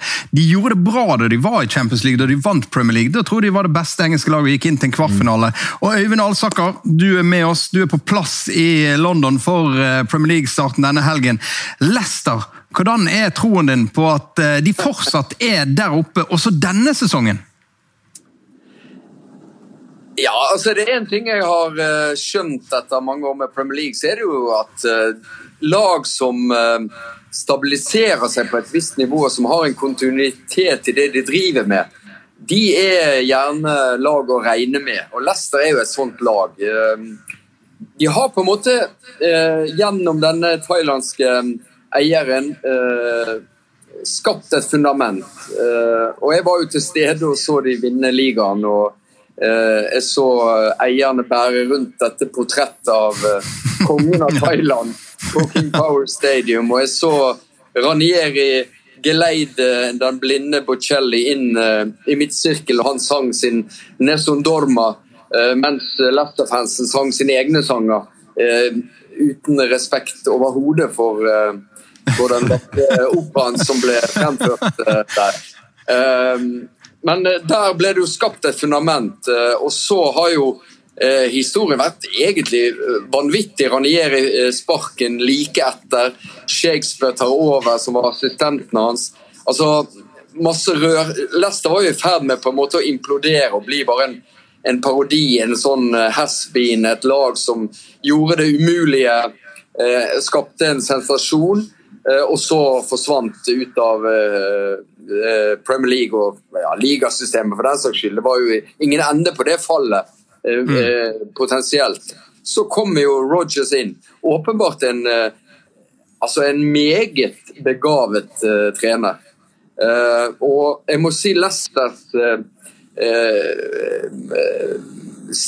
Altså måten de har etablert seg på i toppen av Premier League, laget alle forventer nå skal utfordre de, ja, si de fire store da, som vi vel ser for oss denne sesongen, det er utrolig imponerende. Og det er jo gjennom å selge, selge, selge de beste spillerne, og likevel klare å erstatte de så perfekt som de har klart. Uh, gjennom disse um, sesongene. Uh, veldig veldig imponerende. og Ingen grunn til å, å, tenke at nå er det slutt på Leicester, nå sprekker boblen. Ingen grunn til å tenke det. Eh, men det er klart Jamie Vardis eh, bein må bære eh, den gamle storskåreren en sesong til osv. Ja, det må han faktisk. og Det er jo et av, et av spørsmålene man stiller rundt eh, Leicester denne sesongen. Men uh, Jimmy Vardy han har jo vært i sånne der, eh, hva heter de der kamrene med enormt lav temperatur? Ja, kryptokamre. Ja, noe sånt som det der. Så han har, han er, selv om han er 35, så er han egentlig bare 25. Og så har jo han, Den bilen har ikke kjørt så mange mil på toppnivå som en del andre. altså Tur ta uh, telleverket på Jimmy Vardy som toppspiller. Han begynte jo i, han begynte i godt voksen alder, Trev. Yeah, opposite from Wayne Rooney. Sometimes you find when you start really early and the late starters continue a bit longer. Um, I, th- I, think he's got a couple of years in him. He relies on his pace, but he doesn't get that many injuries, and he still gets in amongst the goals. Um, I think Leicester is a great club. Like uh, Ivan said, um, you know, it's not big enough where they lose the big players, but it's still big enough to attract players to come in because I know they play a good style of football, and they know players when they move there, they do really well, they move on. So um, Take your hats off to Leicester, been outstanding.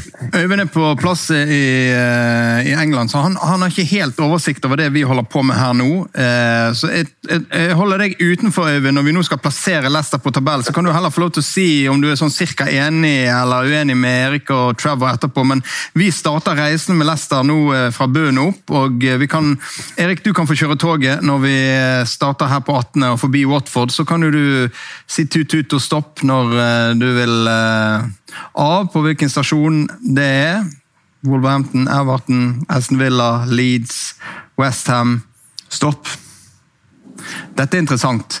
Dette er interessant, for det er mange som snakker om at Leicester forventer vi foran Tottenham og Arsenal eh, denne sesongen. Og at, at det må vi regne med, sånn som så det har utviklet seg i toppen av engelsk fotball de siste sesongene. Men, men, så er det jo fort å falle tilbake til gamle vaner, for Arsenal og Tottenham skal jo egentlig være foran Leicester. Hva sier du, Trev? I think Eric's been disrespectful to Leicester, and I mm. put them above Tottenham. Over Tottenham? Uh, yeah, I think they finished fifth there last, the last couple of seasons, and I think um, I wouldn't surprise if they sign yeah. somebody in as well. They've got some Fafana's injured and Evans.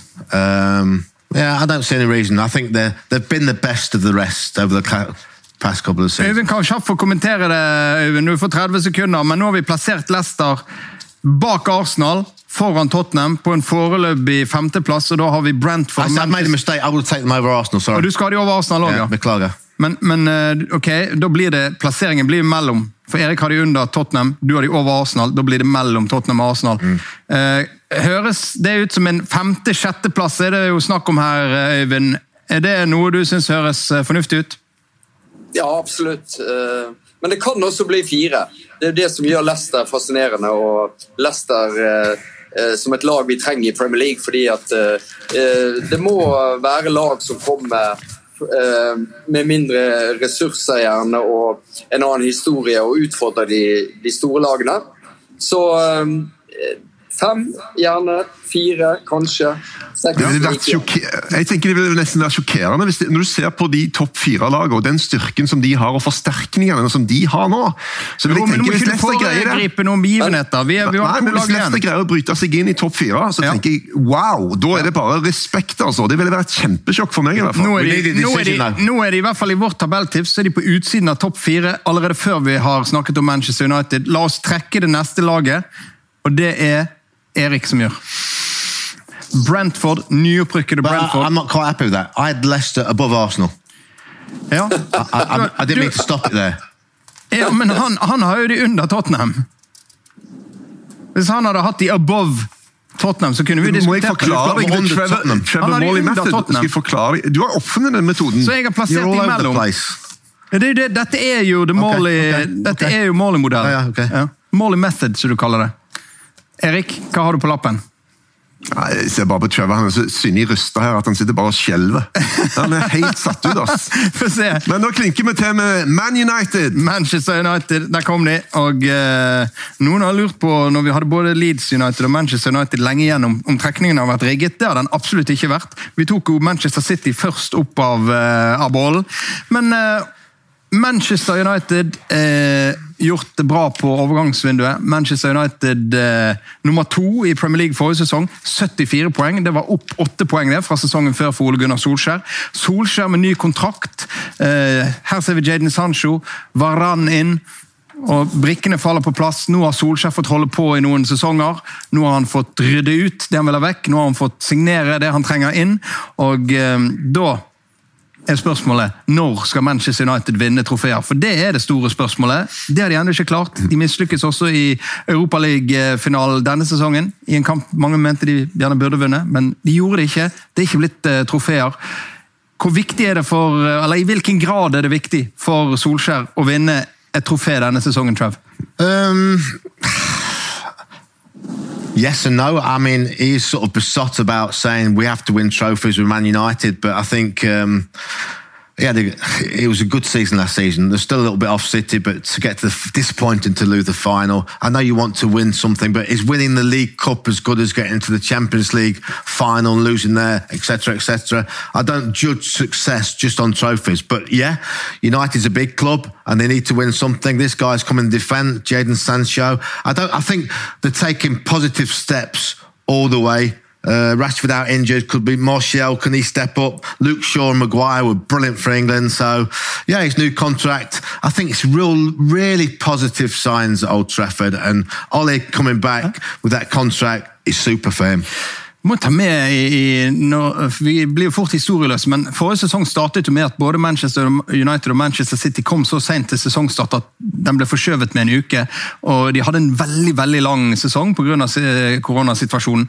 Eh, det så ut til at de bar preg av det i sesongstarten, begge Manchester-klubbene kom skjevt ut, men hentet seg mesterlig inn. Og Manchester United sluttet jo fullstendig å tape kamper på bortebane og, og ble jo rett og slett uslåelige der. Så er spørsmålet om de kan gjøre det samme på Old Trafford og tette luken. Men de gjorde jo det med, med, City. At de klatret forbi den gjengen så de i utgangspunktet lå et stykke bak i, i, starten. og Så kom de opp der, og så var det Manchester City og Manchester United på toppen. Det er 74 opp til 86, det er 12 poeng opp til Pep Guardiola for Ole Gunnar Solskjær og Manchester United. Er det en luke som er mulig å tette når du ser bildene av denne mannen, når vi vet Jaden Sancho inn, når vi vet de signerende Solskjær allerede har gjort, og eh, når vi vet at det ligger et press om og forventning om pokaler? Selvfølgelig. Det går an å, tette, og Man United er ett, sånn som jeg ser det, av eh, fire lag som kan vinne Premier League eh, kommende sesong. Eh, veldig spennende. de har gått, vist framgang hele veien. Pila har pekt oppover. Alt har blitt gjort riktig. Ole Gunnar har mye å være stolt over. Og så sitter jeg da og, og er litt sånn med denne greia som, som jeg bare har i meg, at vi tror at ting skal fortsette. Og det gjør det ikke ting fortsetter bare ikke automatisk sånn som det har gjort. Kan det komme et tilbakeslag. Det er ganske vanlig. Hvorfor skal vi bli sjokkert hvis det skjer med Man United og Ole Gunnar Solskjær? og den gjengen Men Solskjær har jo hatt noen tilbakeslag på veien. Det er ikke sånn ja, ja, ja. alt har bare gått uh... Hvis du ser på hele greiene, så, som, du, hvis du gjør opp status på sesongslutt, så har det vært, det vært mange greier underveis Uh, og, det har vært noen tapte finaler og semifinaler. og... Vi trodde ikke han skulle sitte her som, han, som sjef nei, nei, nei, nå. Det har jo vært opp og ned. Sant? Og, det, og, det, er jo pga. at han har gjort ting riktig. Imponert av den jobben han har gjort. Og så, så er det bare så tøft i den topp fire-greia der at uh, I think what's important for United is they need a striker to get a lot of goals this season. I think whether it's Cavani, whether Greenwood steps up, someone needs to get 25, 30 goals for United because on paper, defence, midfield, they can't depend on Bruno to get all the goals. If one of them, Martial, maybe it's his time to come mm. good, maybe not. Greenwood, I don't know, Cavani. Rashford har operert, så han ute yeah. en stund og så videre. That's the only thing they need. If you know they're getting a 25 goal striker, ja. Men hvis du har en haug med spillere som kan skåre mange mål Bruno Fernandes eh, pøste jo inn forrige mm. sesong. Vi har sett det med Liverpool, at mål, hvis målet kan komme fra mm. mange forskjellige steder. Vi har sett det med Manchester City. Trenger ikke å spille med spiss engang. Trengte ikke eh, Aguero, knapt eh, Gabriel Jesus. Målet kommer fra andre steder hvis du har multiple goal threat. Men Øyvind, du som har sittet og hørt på det vi har pratet om her. En ting som jeg synes er interessant med din tilnærming til dette, er at du fulgte jo Solskjær veldig tett, eh, og den jobben han gjorde i eh, første del av eh, byggverket, som, som han nå har fått mulighet til å forlenge med ny kontrakt, og skrev jo en bok om det. Ut ifra det du lærte om Solskjær, måten han bygger Manchester United på, måten det blir tatt imot, måten ting utvikler seg og ikke utvikler seg på.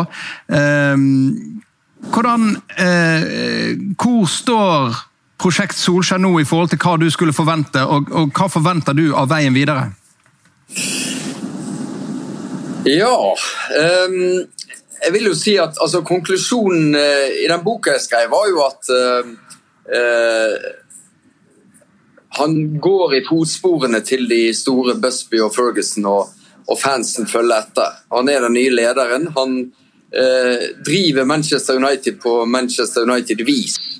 Det var konklusjonen. Så har det vært noen uh, uh, stunder etter uh, at jeg satte punktum, som selvfølgelig kunne gjort den uttalelsen latterlig. Fordi han var jo sikkert ganske nær sparken. Det vet vi jo ikke, men han var i trøbbel. Og det har han vært med jevne mellomrom i disse årene han har ledet Manchester United. Men det Solskjær har gjort, og som var mitt poeng, det er jo at han har fulgt en rød tråd gjennom eh, sin karriere som eh, manager for klubben i eh, hans hjerte.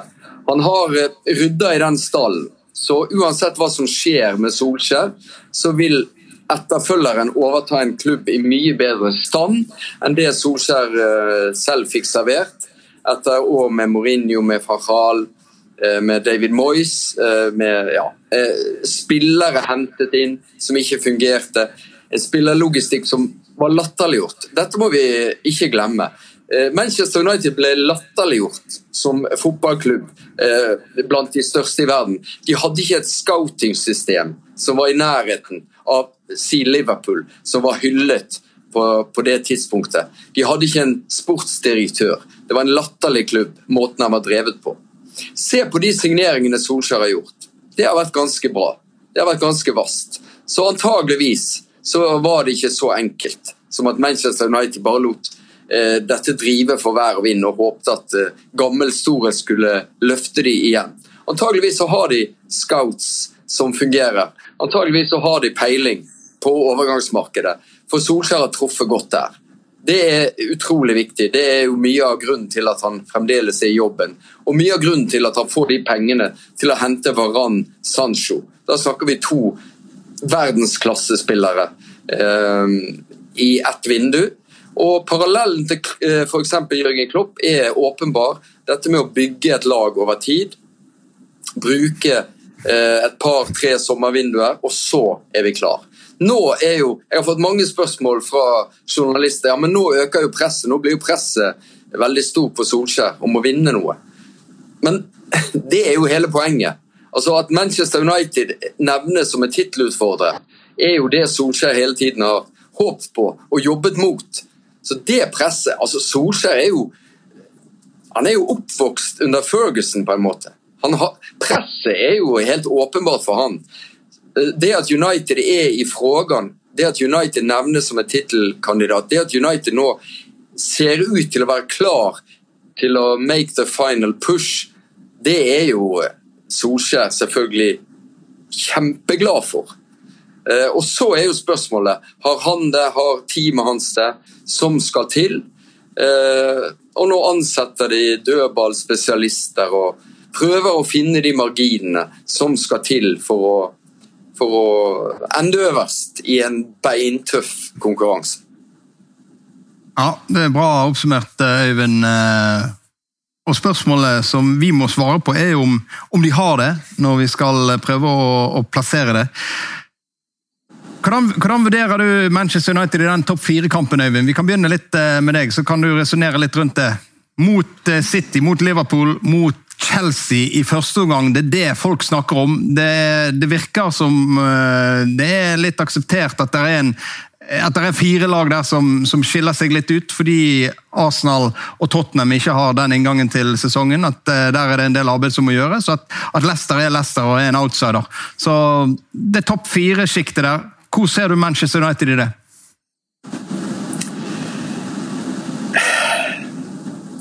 Altså, det er jo dette som er eh, på mange måter helt umulig. Sant? Eh, fordi eh, skader osv. gjør at det er liksom Men her og nå eh, så vil jeg tenke at Manchester City og Liverpool de har de samme trenerne. De har et nivå inne.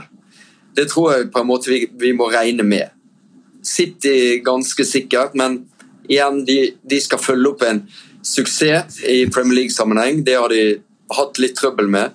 Uh, om enn ikke så mye under Pep Guardiola, kanskje. Liverpool liksom ikke handlet, ikke erstatta Veinaldum.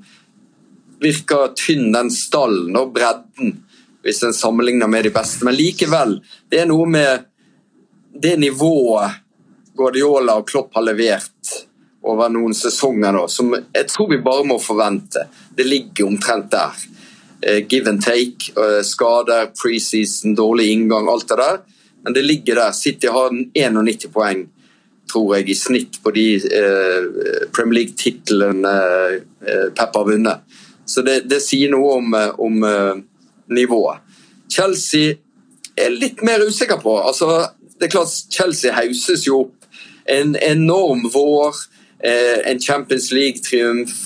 Eh, eh, Vinn igjen nå i, i, i supercupen. Men her har vi en Tuchel som er liksom ganske ny i, i bransjen. Lukaku inn, selvfølgelig. Der er de målene, de 25 målene de mangler mot City etter at Tuchel tok over. Selvfølgelig kan det antageligvis ha mye å si, men likevel, det, det, det er nyere. Det er, eh, Tuchel skal kjenne litt på hverdagen. Guardiola skal kjenne litt på eh, misnøye i stallen, kanskje. Laporte, Stirling. Det begynner å lekke ut litt små historier der. Eh, så Manchester United, i mine øyne, med en perfect storm, kan vinne ligaen. Men de kan også bli nummer fire. Eh, jeg er enig med Trevor. Det er noe med spissen der. Kavani er jo på lang ferie, han skal tilbake og liksom være talisman i en alder av 34. Martial har jo folk avskrevet fordi vi så han jo ikke på slutten av forrige sesong. Solskjær har jo skapt ham som en nier, som sin nier. Eh, hvordan ligger det arbeidet an? Helt avgjørende. Og så er det jo sånn at Manchester United kommer jo til ligastart mot Leeds på, på lørdag, antageligvis med ganske annet lag enn det som skal vinne ligaen for dem, vil jeg tro. Det kan fort mm. være Greenwood, James, Martial som de tre fremste. Eh, og Varan kanskje ikke i troppen etter lite tid med gruppa. Så det her er work in progress, og det handler jo om å ta de nødvendige poengene nå. Være med i racet når alt spisser seg og oktober kommer og toppformen skal slå inn. Det er nydelig. Takk skal du ha. Vi skal uh, nå plassere eh, United her uh, i studio. Så Erik og Trav Så, så Øyvind får sitte på gjerdet, altså? Nei, du kan få lov til å Nei, ikke, Vi tar deg ned fra gjerdet. Si, gi meg en posisjon, Øyvind. Gi meg en plassering. Du sa de kan bli én, de kan bli fire. Men hvis du må velge en mellom én og fire, da? Ja, to, da. To. Torstvedt? Fire. Fire. Det er i snitt tre mål i. Da kan du la de bli tre, du kan la de bli to, eller du kan la de bli fire. Two. Hæ? Second. Så ser jo det identisk ut som eh, slik vi forlot forrige sesong. Det var jo ikke spesielt kreativt av dere. Nei. Men ok, sånn er det ofte. Jeg prøvde så godt jeg kunne, da. Du gjorde det. We haven't finished yet, by the way. Vi har ikke- team that Nei. could come in there. Ja, ja, ja. So Men topp fire, topp fire, så ikke få med Brentford opp der. City foran United, foran Liverpool og Chelsea. Jeg kjenner bare at jeg gleder meg så sinnssykt til å komme i gang med denne sesongen. For det, det kan jo bli et rotterace. Det kan jo bli et uh. Brentford skal inn, og jeg legger de eh, helt der nede. Og Det er så lenge siden de spilte på dette nivået, eh, Erik Thorsvedt. Jeg tror vi må tilbake på 40-tallet, på slutten av 40-tallet. Hva er Brentford? Fortell oss. Lær oss. Brentford er jo en eh, klubb som er eid av Matthew Benham. Som er en gamblingfyr. Et uh, matematisk eh, geni. holdt jeg på å si. Jobba sammen med Tony Bloom, som eier Brighton tidligere, for de ble uvenner. Og Han har jo tatt denne klubben oppover eh, ved hjelp av eh, det som populært kalles moneyball-metoden. Prøve å finne parametere, stats, uh, underforliggende ting som gjør at de kan være bedre enn andre lag på tross av kanskje at de har mindre penger. Så de eh, scouter eh, eh, på spesielle måter. De spiller på en datadreven måte. De, eh, samme fyr eier òg Midtjylland i, eh, i Danmark, som òg har gjort det veldig veldig bra på, på den måten å, å spille fotball på. Eh, og de har bygd klubb og skapt enorme verdier underveis, med at de nå er i Premier League. Og de har jo trua en stund, da. De var òg i, i playoff forrige sesong. Da røyk de.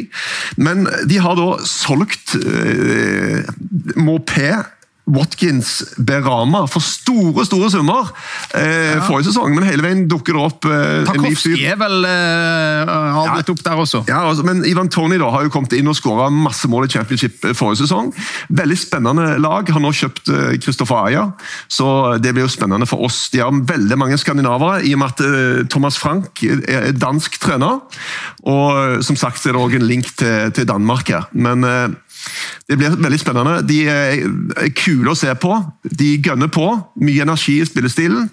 Og eh, de tror jeg skal vite hva fra er det seg. Leeds du snakker om? Det er Brentford, sant? Det er Brentford så snakker er om. ja. men eh, kan de, gjøre en, kan de ta en Leeds? Nei, det tror jeg ikke. Jeg tror det blir for mye. Ja.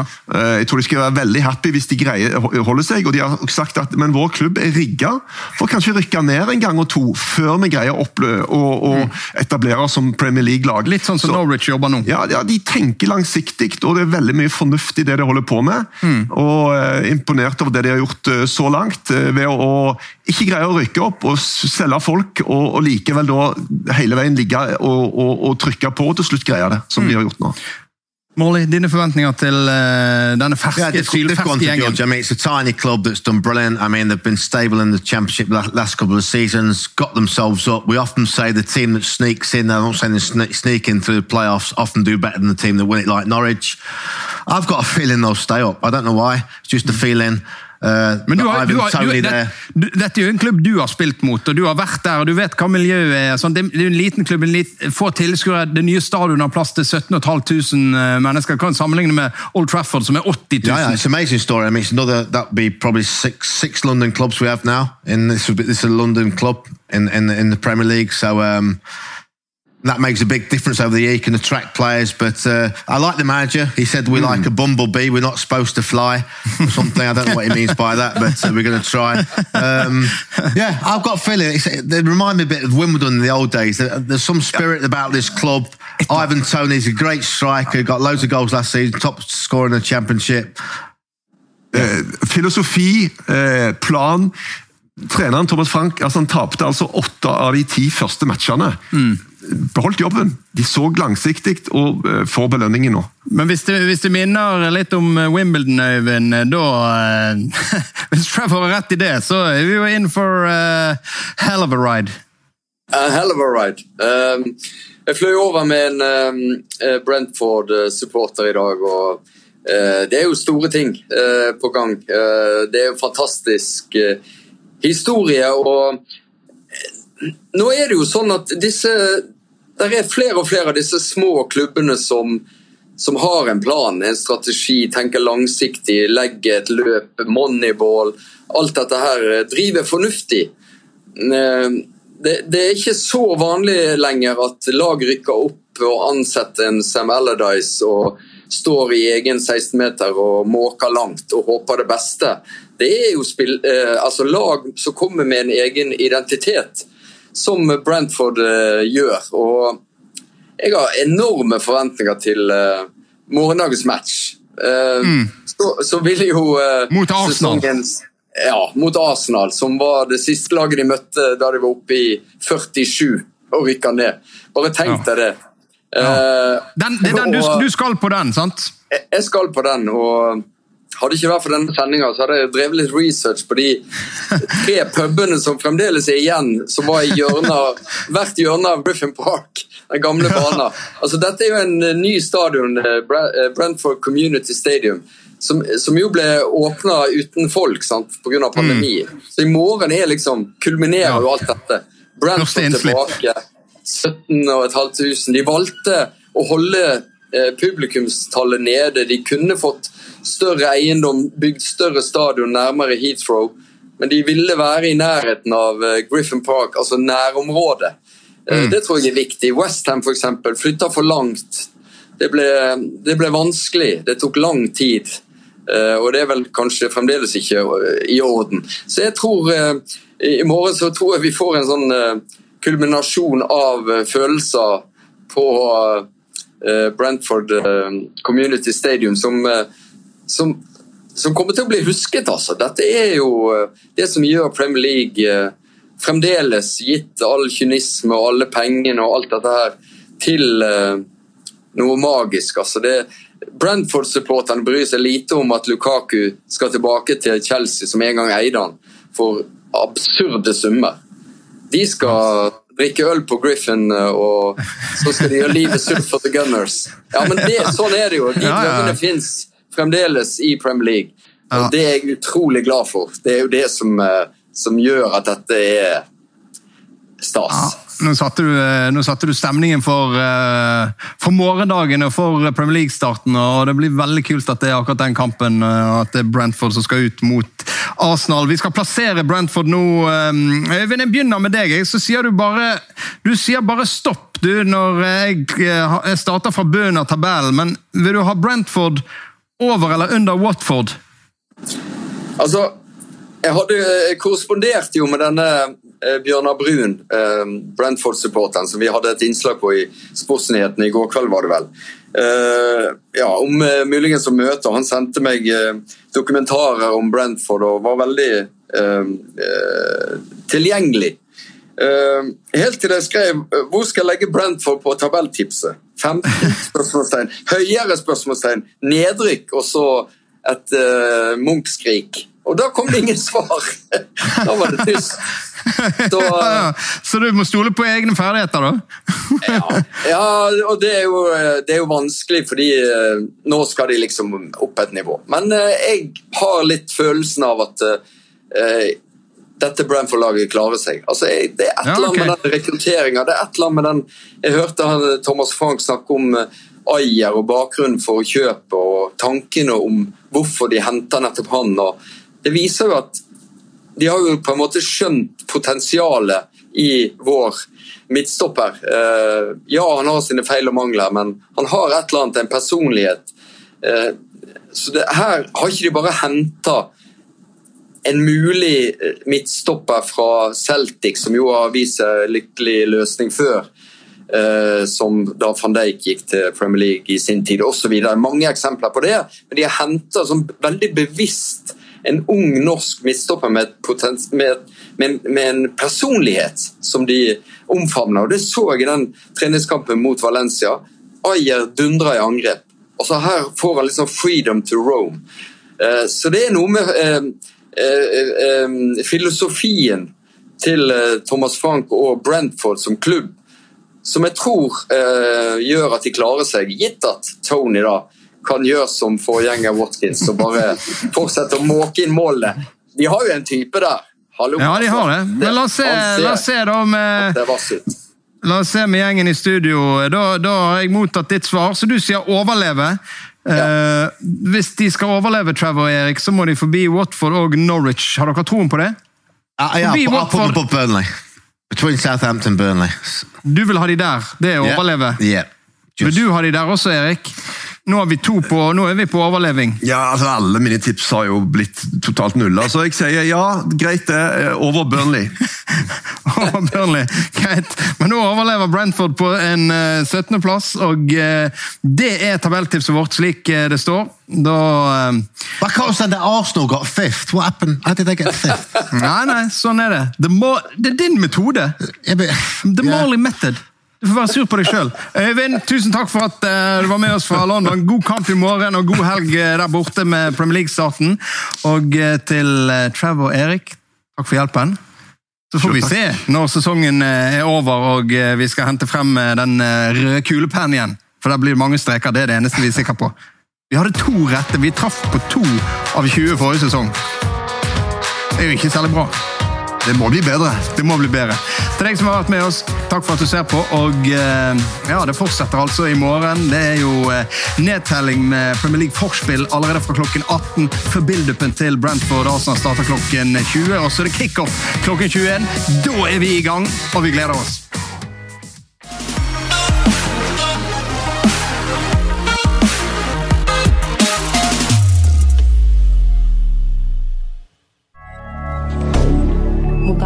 dire